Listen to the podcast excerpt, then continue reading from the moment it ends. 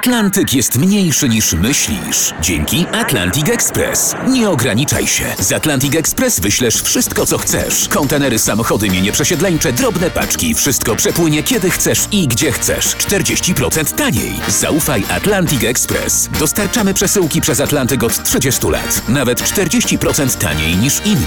Dzwoń 1 800 775 73 63. Ekspresowo przez Atlantyk. Tylko z Atlantic Express. Jasna strona świata prezentuje Marek Tomalik. Po jasnej stronie świata Małgorzata Zdziechowska, miłośniczka zwierząt, która od wielu lat jeździ na świecie na wolontariaty i opiekuje się dzikimi zwierzętami. Gosiu, odwiedziłaś 14 ośrodków na czterech kontynentach, gdzie pracowałaś z prawie 100 rodzajami ssaków. Często byłaś mamą przybraną, zastępczą. Proszę opowiedz o swoich obowiązkach na wolontariatach. Moje obowiązki na wolontariacie, zwłaszcza tu, gdzie jestem mamą zastępczą, to jest przede wszystkim opieka nad zwierzakami, e, sprzątanie ich klatek, e, przygotowywanie mleczka i karmienie ich. Jeżeli mamy maluszki, to karmię zwierzaki nawet sześć razy dziennie i stymuluję do załatwiania się, dlatego że one jeszcze nie potrafią się samodzielnie załatwiać i to robi ich mama. E, kiedy nie mają mamy, robi to osoba, która jest taką mamunią zastępczą. Opowiedz kiedy i czy zawsze zapada decyzja o wypuszczeniu takiego podkurowanego zwierzaczka na, na wolność? Mm, niestety nie wszystkie zwierzęta są w stanie wrócić na wolność, dlatego że one trafiają z różnych względów do tych ośrodków.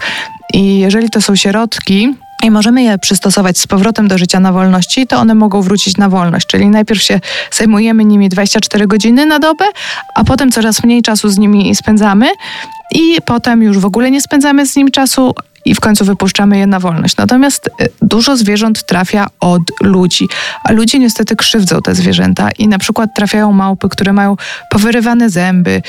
Zwierzęta są okaleczane przez człowieka. I takie zwierzę już nie może nigdy wrócić na wolność, więc one na zawsze pozostają w ośrodku. A powiedz, dlaczego torbaczom przy karmieniu zasłaniacie uszy i oczy?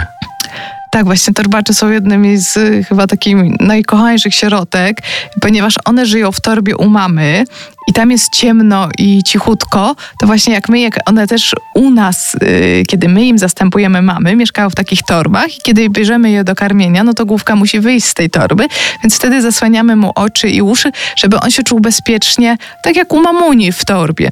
A nosorożec, weźmy tutaj Oliwię. Ile potrafi wypić yy, na raz mleka? Nosorożec Oliwia też była sierotką, miała 9 miesięcy i piła 4 litry mleka, więc dostawała dwulitrową butlę i potem drugą dwulitrową.